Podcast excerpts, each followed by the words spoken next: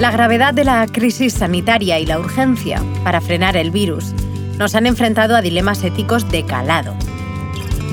¿Es correcto privar a la gente de su libertad para garantizar la seguridad? Hemos cerrado fronteras y permitido el turismo. Hemos tenido que separar a grupos mientras defendemos la solidaridad y cambiado constantemente las medidas sanitarias. En cierto sentido, lo que esta pandemia ha planteado de manera cruda y dramática son dilemas con los que en nuestra sociedad y de manera cotidiana lidiamos muchas personas.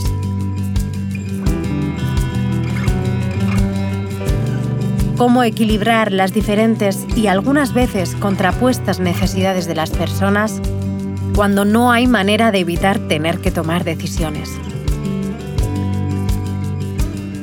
Hoy dedicaremos la sexta postal sonora a compartir cómo están viviendo estos dilemas personas que en su día a día se enfrentan desde diferentes roles a este tipo de situaciones.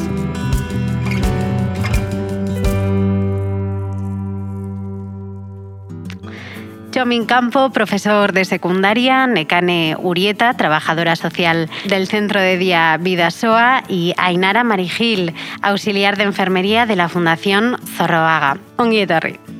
Tres perfiles, tres posturas que como muchas de las personas que nos estaréis escuchando en este momento habéis tenido que tomar decisiones y muchas veces decisiones difíciles. Sí, dentro de lo que son decisiones difíciles, eh, sobre todo cuando, en, nuestro caso, bueno, en mi caso, cuando trabajando en Zorroaga, tuvimos que hacer los primeros aislamientos, la primera vez que se aislaba a la gente, eh, aquello fue súper, súper duro, nos, nos, generó mucha tristeza, tanto a los trabajadores como, como a los residentes, y sobre todo el sentir de la soledad la soledad de, mm, de todas esas personas, porque tú a fin de cuentas eh, vas para casa, pero ellos se quedan. Entonces, bueno, ¿qué hacemos? No? Ante eso, ¿qué hacemos? Decisiones, pues un poco que a veces te, tachan un poco de, de chalada, pero dices, aquí hay que hacer algo. Y bueno, pues se nos ocurrió, eh, pues para animarles, eh, pues hacer un poco el payaso, ¿no? Y, bueno, ya que teníamos cada, cada una unas habitaciones adjudicadas y era todo mucho más directo, pues bueno, pues les cantas, les bailas, les tal, y te sales un poquito de lo que es el protocolo de, actuación eh, del día a día, ¿no? Que es, pues, pues tienes que asearles, tienes que tal, todo va como mucho más encorsetado. Y sin embargo, pues bueno, llega ese momento y te, y te encuentras una, una realidad totalmente diferente y dices, bueno, pues, pues a ver, aquí por dónde tiramos, porque claro, ellos estaban como muy alucinados, ¿no? Eh, muchos entendían, otros no entendían. Y dices, ¿qué, qué hacemos? Y bueno, pues eso fue una decisión que igual a, muchas de mis compañeras no les habías visto nunca echar un irrinchi y de repente le oías por allí pues pegarles un O sea, no sé, fue, fue una decisión, pues eso, eh, de, hay que hacer algo, ¿no?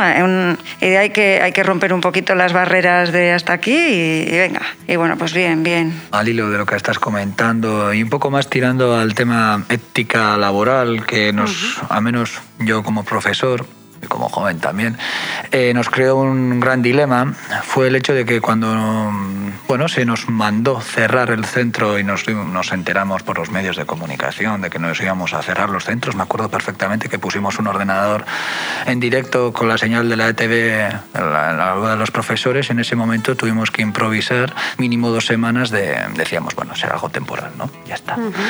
El problema que es el cuando mandas a los chavales a casa y haces que su vida dependa de un ordenador ordenador y de una conexión a Internet que no existe en la mitad de ellas, sobre todo si estamos hablando de alumnos de cierta escala social o incluso de ciertos familiares de cierto origen, pues por lo que sea en la familia no está en lo más alto tener un wifi de gran potencia, vamos a decirlo así, ¿no? O familias numerosas.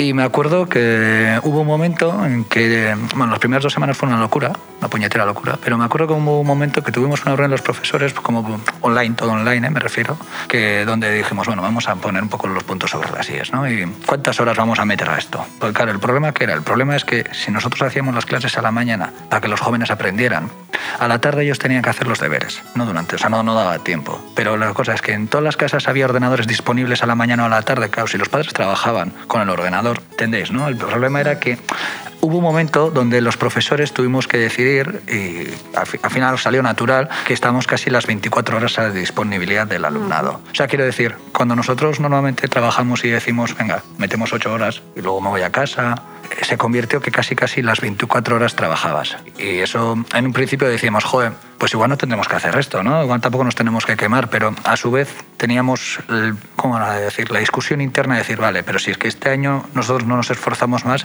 va a ser toda una generación que se va a quedar a medio camino. Matemáticas. ¿Sentís la responsabilidad? Sí, eso. O sea, sentimos un peso. Yo encima era tutor.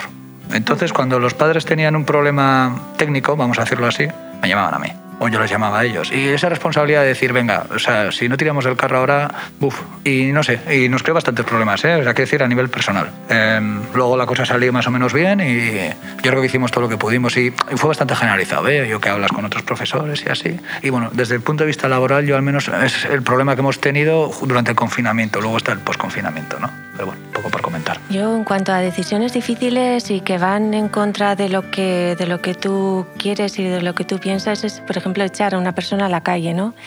en, un, eh, en un momento en el que nadie podía estar en la calle, en un momento en el que eh, todo el mundo ah, teníamos que estar confinados dentro de, de, una casa o donde fuera.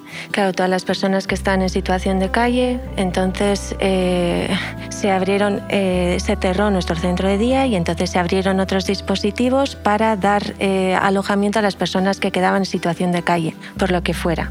Porque ahí eh, se juntan pues un montón de situaciones, un montón de, personas con diferentes razones que están en la calle y entonces eh, se hace un cóctel molotov increíble en un centro en el que tienes que contener a muchas personas eh, que quieren salir porque quieren ir a comprar tabaco, porque quieren, bueno, eh, consumir pues alcohol o lo que sea, ¿no? Entonces se hace muy, muy difícil gestionar todo eso. Se hace muy, muy difícil. Y hemos vivido situaciones súper duras, muy eh, de mucha violencia, situaciones eh, maravillosas de charla, o sea, hemos tenido absolutamente de todo. Eh, la historia es que cuando hay un conflicto fuerte y en el que tienes que llamar a la arzaña para echar a una persona o dos, pues le estás echando a la calle y le estás echando a la nada, porque en la calle no hay nada, está todo cerrado, no se podía estar. Entonces a mí eso me generaba un, una angustia. Lo mm. que comentabas, Ainara, que tú además luego vuelves a casa. Bueno, en mi caso, la verdad que después de estas eh, jornadas maratonianas, porque también eran muchas horas de trabajo, intentábamos rotar lo menos posible los equipos, con lo cual eran horarios muy, muy largos. Claro, en mi caso también estaba con el teléfono, pues un poco pendiente del centro, si pasaba algo, no pasaba algo. Entonces, bueno, vuelves a tu casa, pero yo en mi caso personal, particular, no podía poco desconectar, ¿no? En el caso de los compañeros porque intentas también cuidar un poco a tus compañeros, al equipo, porque el equipo está hecho polvo. O sea, nosotros hemos hecho un trabajo, o sea, yo estoy súper orgullosa y feliz del trabajo que hemos hecho, de todo el aprendizaje bestial que hemos tenido. Pero claro, el equipo también hemos sufrido mucho, hemos, hemos aprendido mogollón, hemos reído, pero hemos llorado y entonces ha sido...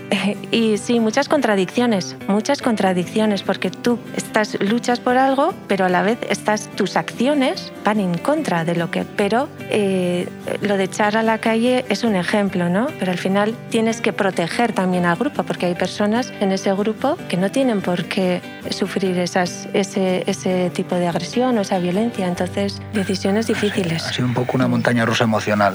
Para mí todo esto como montaña rusa emocional y a estas alturas el equipo que tú hablas, nosotros también somos un equipo de equipos en el centro y tal y la sensación de cansancio mental, eh, ¿no? No, tenéis una especie de cansancio. Yo duermo peor, o sea, tengo pesadillas, esto es una locura.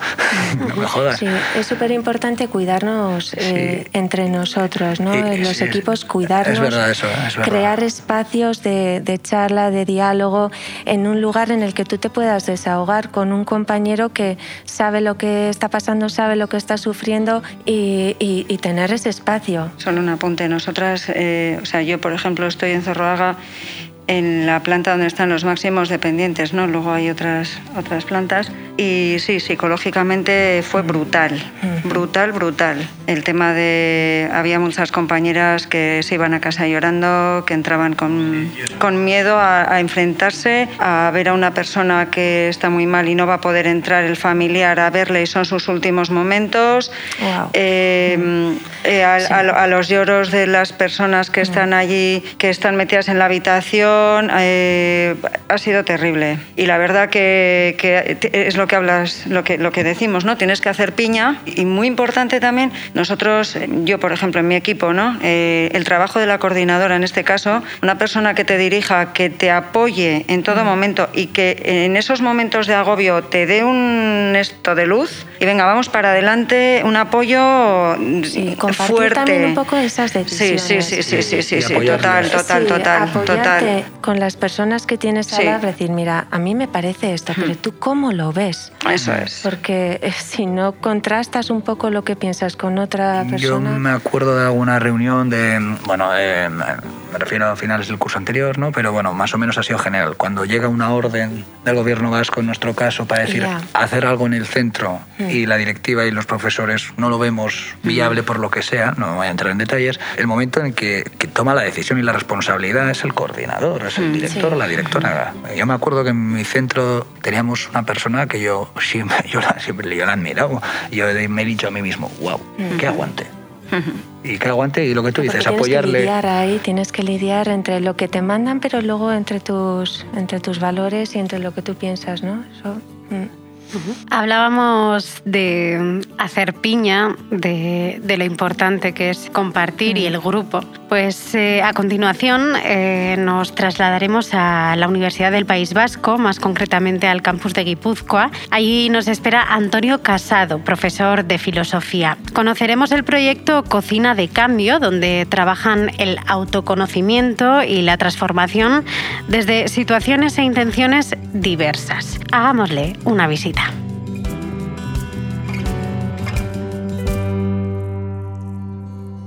Estamos en una sala del Centro Carlos Santa María, en el campus de Guipúzcoa, de la Universidad del País Vasco, y es una sala un poco especial. Eh, no es fácil llegar a ella, pero es muy diáfana, tiene luz natural y, y un espacio muy cuadrado en el cual 10, hasta 19 personas pueden sentarse en círculo y, aún así con suficiente espacio para, para moverse, para tumbarse, para bailar. Eh, es una sala que elegimos precisamente por eso, porque bueno, en estos tiempos no es nada fácil encontrar algo así y poder trabajar determinadas prácticas artísticas en seguridad, ¿no? porque también, por supuesto, eh, eh, tenemos todo lo necesario para cumplir el protocolo. A este espacio le llamamos eh, la primera vez que nos reunimos aquí, a primeros de febrero, la cocina del cambio, pero fue algo completamente espontáneo. no tenía nombre, lo llamábamos Comunidad de Práctica para la Transformación, eh, transformación cultural, pero mm, y eso quiere decir que puede ser tanto personal como social o que, o que es las dos, ¿no? porque no hay transformación personal sin, de alguna manera, afectar el entorno. ¿no? Entonces, eh, veníamos de un grupo que nos, reuníamos, eh, nos reunimos en otoño en Tabacalera y en diciembre pensamos, ¿por qué no seguimos? Eh, queremos, nos da pena, ¿no? el curso de otoño era un curso como más formal y aquí lo que hicimos fue llevarlo de Tabacalera al campus y de una manera ya más informal, sin que fuera necesario pues, apuntarse o venir a todas las sesiones. Lo llamamos la cocina porque era un poco un planteamiento de tipo cocina de, de sociedad gastronómica. ¿no? Vienes con tus ingredientes y te cocinas el plato y, compartes una serie de recursos que hacen posible esa transformación. ¿no? en la cocina y en otros proyectos que has llevado a cabo, uno de los pilares fundamentales es la participación. Sí, bueno, yo vengo de la ética, soy profe de ética aquí en el campus y Em, digamos, hagamos eh, flashback hace 10 años, ¿no? Yo trabajaba en un comité de ética y mi impresión, y bueno, yo creo que el trabajo que, que hacíamos y que hacen es, es, muy importante en el hospital, pero que todo giraba demasiado en torno al profesional, ¿no? Y, y, por ejemplo, para tomar decisiones difíciles, y en un hospital se toman, pero ¿qué te, qué, qué te voy a decir ahora ¿no? en, estos, en estos días? Pues como que necesitas, no basta con que haya un experto en ética que te resuelva los problemas. ¿no? Los problemas asociados a la pandemia, por ejemplo, no hay manera de, de resolverlos si no colabora todo el mundo. Entonces, mmm, bueno, esto es bastante obvio, pero no basta con tener especialistas en ética, es necesario que haya una cultura ética y que los pacientes, eh, los profesionales, la gente de fuera del hospital hable más o menos el mismo lenguaje, o al menos entiendan de una manera que incluso va más allá de lo intelectual, o sea, eh, eh, sientan, vivan de una determinada manera. Y eso es lo que hace que los problemas o las decisiones se puedan ir resolviendo. Si no, no hay manera de aclararnos. Sabemos que incorporas prácticas artísticas, también la cultura, en estos procesos de toma de decisiones. Sí, pues hace 10 años mmm, me incorporo como investigador y como gestor aquí en el campus de Guipúzcoa y me, y me ocupo de algunas actividades culturales. Y, y para mí eso no, no, es algo distinto al trabajo que hago con la ética, no tiene que ver con tomar decisiones. Eh, la manera en que nos movemos, la manera en que hablamos, la manera en que damos clase, no es algo meramente intelectual. Yo siempre digo que detrás, en cada profe pues hay algo de, de actor o de actriz también. ¿no? Y por otra parte, cuando cuando los problemas son verdaderamente difíciles, cuando los retos son tan complejos como, por ejemplo, el cambio climático o cómo responder a una pandemia, no basta con las soluciones tradicionales. Eh, hace falta inventar, hace falta innovar. Y eso no está en los libros, porque todavía no están publicadas las respuestas. ¿no? Entonces es necesario desarrollar una sensibilidad que yo creo que tiene mucho que ver con el arte, porque involucra no solo a lo intelectual, sino también a lo sensorial, a lo comunicativo. Eh, a lo a emocional.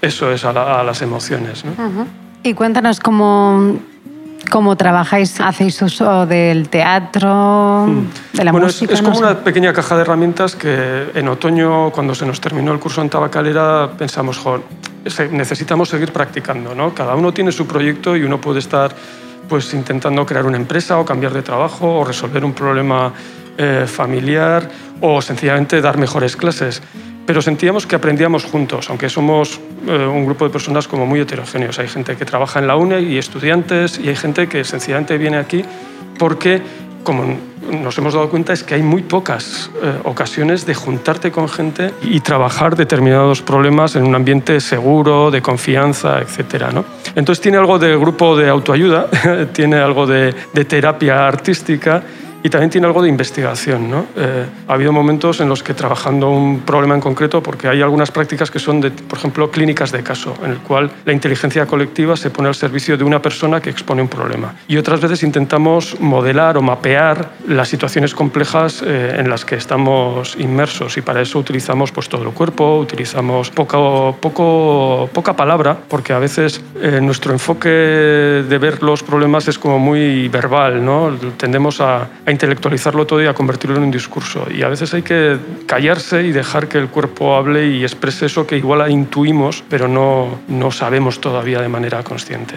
Pues para terminar, Antonio, ¿por qué es importante hacer uso del arte y de la cultura para construir una memoria colectiva? Bueno, yo creo que necesitamos cosas, precisamente cosas nuevas, cuando las normas de juego cambian muy rápido, y yo creo que todos percibimos que estamos sumidos en, en una gran transformación, ¿no? no hace falta hablar de transición energética o, o demográfica, ¿no? necesitamos herramientas que no están en los libros. ¿no? Estamos al lado de una biblioteca, pero no todo está en los libros, y yo amo mucho los libros, pero sé que no está todo todo ahí, especialmente cuando cambia algo muy deprisa, necesitamos dispositivos sensoriales rápidos que nos permitan entender qué es lo que está pasando en nuestros cuerpos, en nuestras familias, en nuestras universidades. El arte yo creo que en ese sentido es, es completamente necesario. Entonces lo que hacemos para mí es, es una forma de investigación colectiva. ¿no?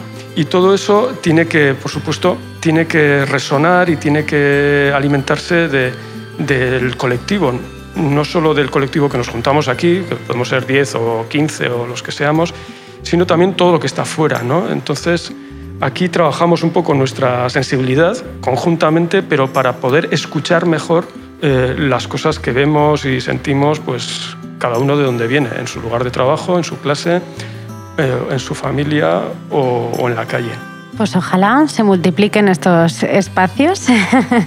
En eso estamos. Antonio Casado, mía, mía, esker. Zuei, gero arte eta, bueno, eh, gonbidatuta zaudete.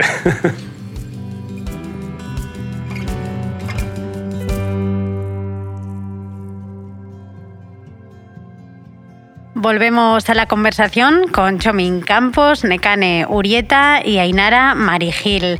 Y ya desde una mirada más colectiva, eh, contadnos qué ambiente, cómo notáis a vuestro grupo de trabajo, vuestros compañeros de trabajo. Sí, nosotros, bueno, a ver, el problema que tenemos en mi gremio es que en los centros la interinidad, lo he dicho bien, aleluya, es del 50%. La mitad de la plantilla se cambia cada año, mínimo. Y claro, entonces es difícil crear grupos de trabajo estables, vamos a decirlo así. Entonces al principio del curso teníamos ese, bueno, esa duda, ¿no? Había esa duda en los centros, yo era un recién llegado y decíamos, bueno, a ver qué, ¿no? A ver qué compañeros tenemos, cómo lo afrontamos y tal.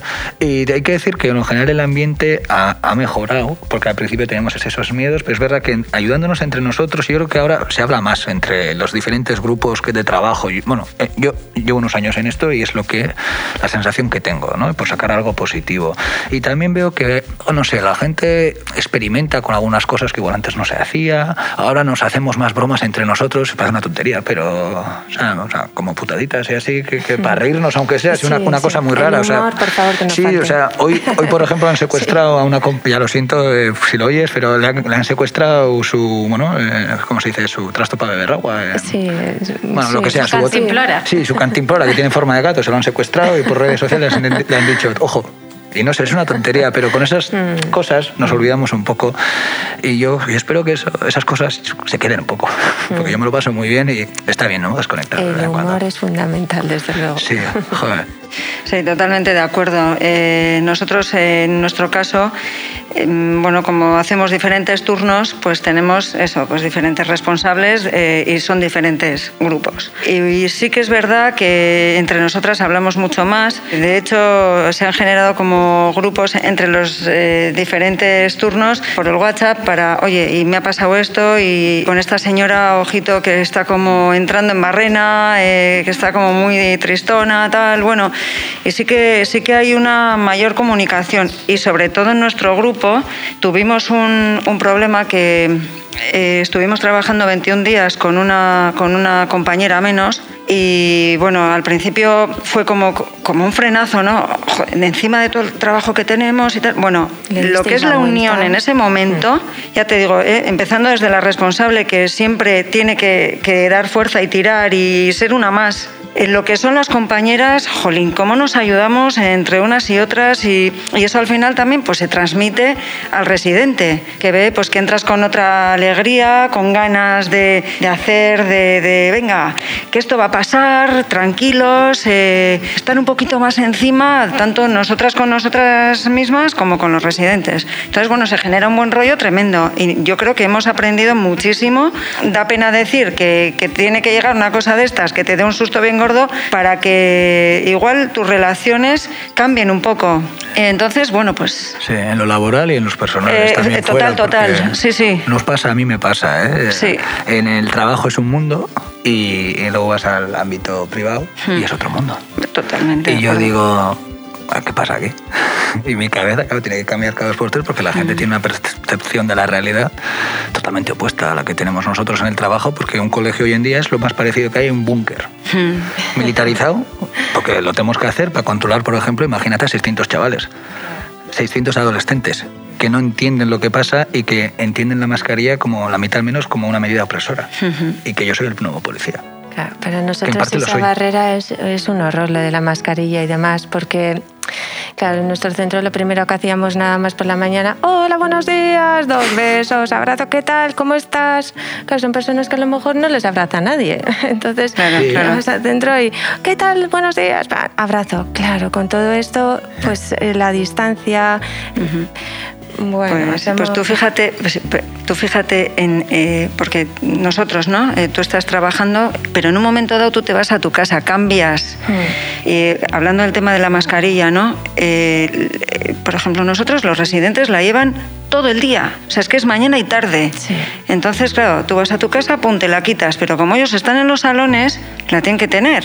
Entonces, es terrible, o sea, pues eso. Mm. ¿Qué os voy a decir? Que no sepáis. Eh, fijando la mirada en las contradicciones que ya han empezado a salir, eh, supongo que, bueno, algunas decisiones que habéis tenido que tomar están de alguna forma justificadas dentro de un contexto específico y porque se sitúan en una situación de excepcionalidad, ¿no? En cambio, esto se está alargando. En las en los mensajes de audio también que estamos recibiendo es lo que se repite muchas veces, ¿no? Esto se está alargando mucho, ¿hasta cuándo? Hemos sacado cosas positivas, pero claro, vosotros y vosotras tenéis la sensación en vuestro grupo de trabajo de estar perdidos o de necesitar algún rumbo fijo. Bueno, nosotros en, concreto no. Mm, o sea, yo creo que, que lo tenemos todos muy claro hacia lo que vamos, ¿no? Todos tenemos en la cabeza esto va a pasar, eh, igual no volvemos a la realidad de antes, pero vamos para adelante, vamos para adelante y es nuestro mensaje todo el día y, lo que tenemos en la cabeza, ¿no? Por ejemplo, al principio estábamos con las EPIs, que aquello también fue terrible y eso ya ha ido pasando. Ahora solo nos las ponemos si hay algún caso positivo. Entonces ya ves que vas dejando un poquito atrás esa etapa tan fuerte. Eso con respecto al trabajo. Y yo, por ejemplo, tengo a la MA que es mayor y bueno, luego si eso ya entraremos en... Pero ahí también eh, es mucho el, insistir en que, bueno, en tener en la cabeza que esto va a ir pasando ¿no? Y yo creo que sí, que, concienciarnos de que va. De es lo que te da fuerza para. Sí, sí, sí, sí, sí, total, total. es que si no, te entras en un bucle, en, o sea, en un bucle que es como. Entras en barrena, ¿no? Ahí todo el día en lo mismo, como un hámster en, el, en su rulo. Sí, mira, ahora que se acercan las selectividades, tengo una frase, la, es la de resistir es vencer. Es, es lo que nosotros pensamos, Hay que resistir.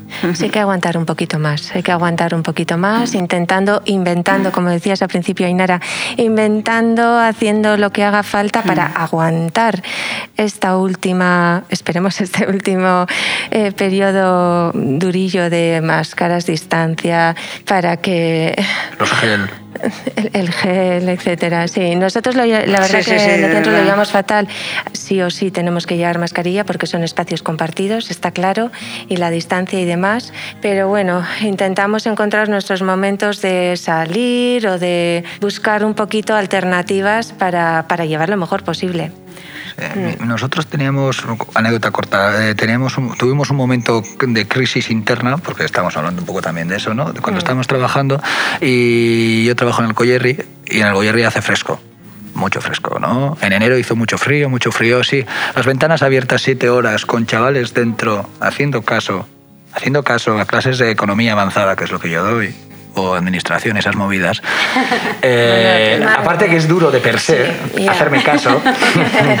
sí, la verdad que sí, ¿eh? Sí, sí, sí, Las cosas como son. Encima que haga frío, que yo, yo estoy en movimiento, llevo chamarra, pero esto es que estén quietos siete horas. Y tú dices, a ver, o cierro todo, o, o ¿qué hago? ¿qué hago? Pero claro, es que teníamos unos, unos picazos enormes de COVID, entonces, ¿qué, qué hacemos? Y al mm. final, pues pasar frío.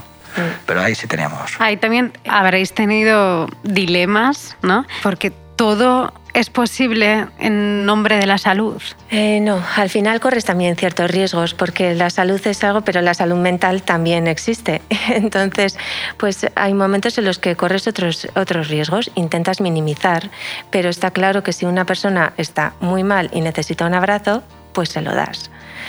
Y, ahí rompes con, con, la distancia y con todo, pero eh, hay que valorar cada persona, cada profesional, tenemos que valorar y ver qué es para mí, ¿eh? Para mí. En este momento le tengo, me tengo que acercar a esa persona y lo hago y ya está. Pues bueno. Mm. Sí, de acuerdo. Sí, sí, sí. Sí, yo creo que todos hemos tenido algún caso con adolescentes todo mm. personales de decir, mira, eh, a la mierda. O sea, eh, la cabeza también tiene que aguantar. Sí, sí, sí. A ver, yo creo que cumplir el 100% es muy difícil. Yo personalmente no he cumplido al 100% todo el rato.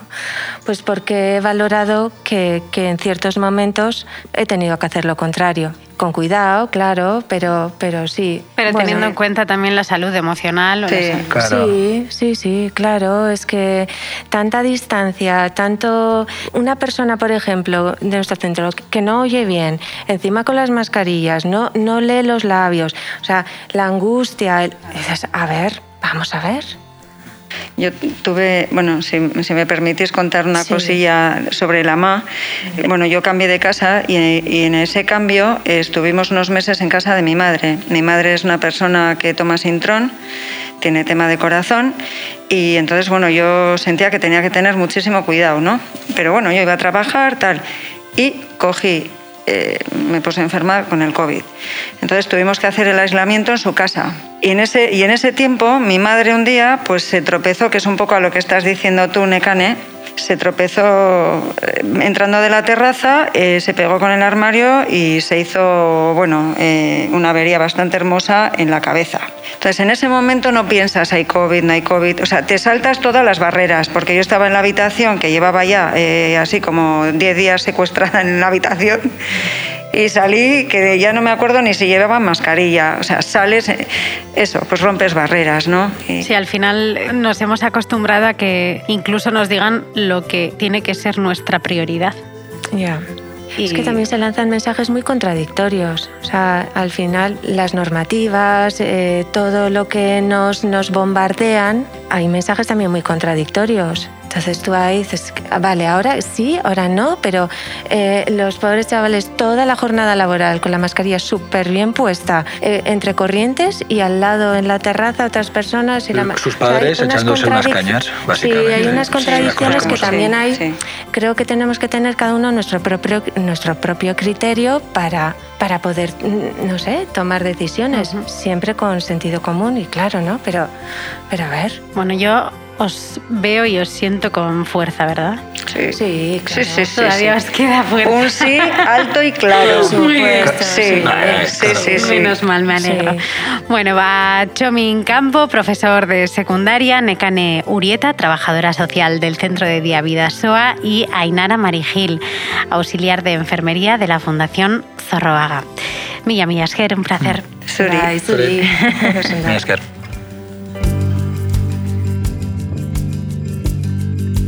¿Y tú? ¿Cómo te sientes? Nos gustaría contar con tu participación. Es difícil decir cómo se siente una en estos momentos. Por una parte triste, por todo lo que la gente que está otra vez enferma y muriendo. Sí, eso da mucha tristeza. Pero por otra parte estoy intentando seguir con mi vida normal, hacer actividades, hablar con la gente, o bien por teléfono, o bien en la calle, o con las compañeras de las actividades y los compañeros. Eh, y seguir adelante, no queda otra. Una vacuna puesta y esperando con ansia la segunda y luego un poco más tranquilos, espero. Bueno, eso es todo. Gracias. El año pasado me costó mucho porque volvía de otro país y y tuve que hacer cuarentena antes de que fuera en España y ahora poco a poco pues yo creo que todo el mundo nos hemos ido acostumbrando y haciéndonos un poco a ello y también cambiando de planes. Hola, buenas, buenos días. Eh, pienso que la época en que estamos viviendo es poco menos que insostenible, difícil, porque la pandemia se ha llevado un montón de personas. Los que hemos sobrevivido hemos tenido que vacunarnos para no morir. Así que es una situación un poco compleja. Ha sido una pandemia muy dolorosa, muy difícil para todo el mundo, pero de todo se aprende y esto ha sido una lección para, para la raza humana que tanta tendríamos que tener o hemos tenido una cura de humildad. Gracias a ello creo que nos hemos sociabilizado mucho más con, con los demás y es muy importante tener un reconocimiento de, lo que nos merecemos cada uno. Un beso. Gracias por todo. Buenas tardes. En estos momentos de la pandemia me siento un tanto fatigada, cansada, a veces un poco desesperanzada, pero a la vez también llena de contradicciones opuestas, pensando que esto es un momento de oportunidad, de que estamos viviendo y aprendiendo a hacer las cosas de forma diferente y de que tenemos que acompañarnos y que nos necesitamos más que nunca los unos y los otros. Gracias. Me siento un poco desorientado. A ver, como un pintor luchando por plasmar en el lienzo de la vida los sentimientos objetivos y los reales. Y nos aparecen muchas manchas negras. Nos asombramos de nuestra ignorancia. Menos mal que tenemos ese gran manto que cubre las manchas, aunque no las quita, y que usamos tantas veces llamado optimismo, y de él debería aflorar la esperanza. Agur. Cuéntanos tus experiencias enviando una nota de voz al número de WhatsApp 674-424-443 o dejando un mensaje en el contestador automático 674-424-443. Tú también formas parte de Postales Sonoras. Nos despedimos subrayando una vez más la importancia de tener un equipo de trabajo sólido y de cuidarse mutuamente. Las jornadas de trabajo se han alargado, hemos tenido que tomar decisiones difíciles y se nota el cansancio. Pero la adversidad nos ha abierto más y por eso estamos aquí, en beneficio del bien común y para no dejar a nadie atrás, con transparencia y siempre garantizando la seguridad de todos y de todas. Postales Sonoras forma parte del proyecto Postales 2020, un proyecto impulsado por el Ayuntamiento de Donostia a través de Donostia Laguncoya, promoción de la salud y participación ciudadana. Emaús A, Tabacalera, Teléfono de la Esperanza de Guipúzcoa, Cucha Solidario A y Donostia Cultura y Ratia. Te recordamos que puedes escuchar los podcasts de este y otros capítulos en la web del proyecto 2020postalac.eus y cada lunes y jueves a las 10 de la mañana en Deca y Ratia. Hasta pronto.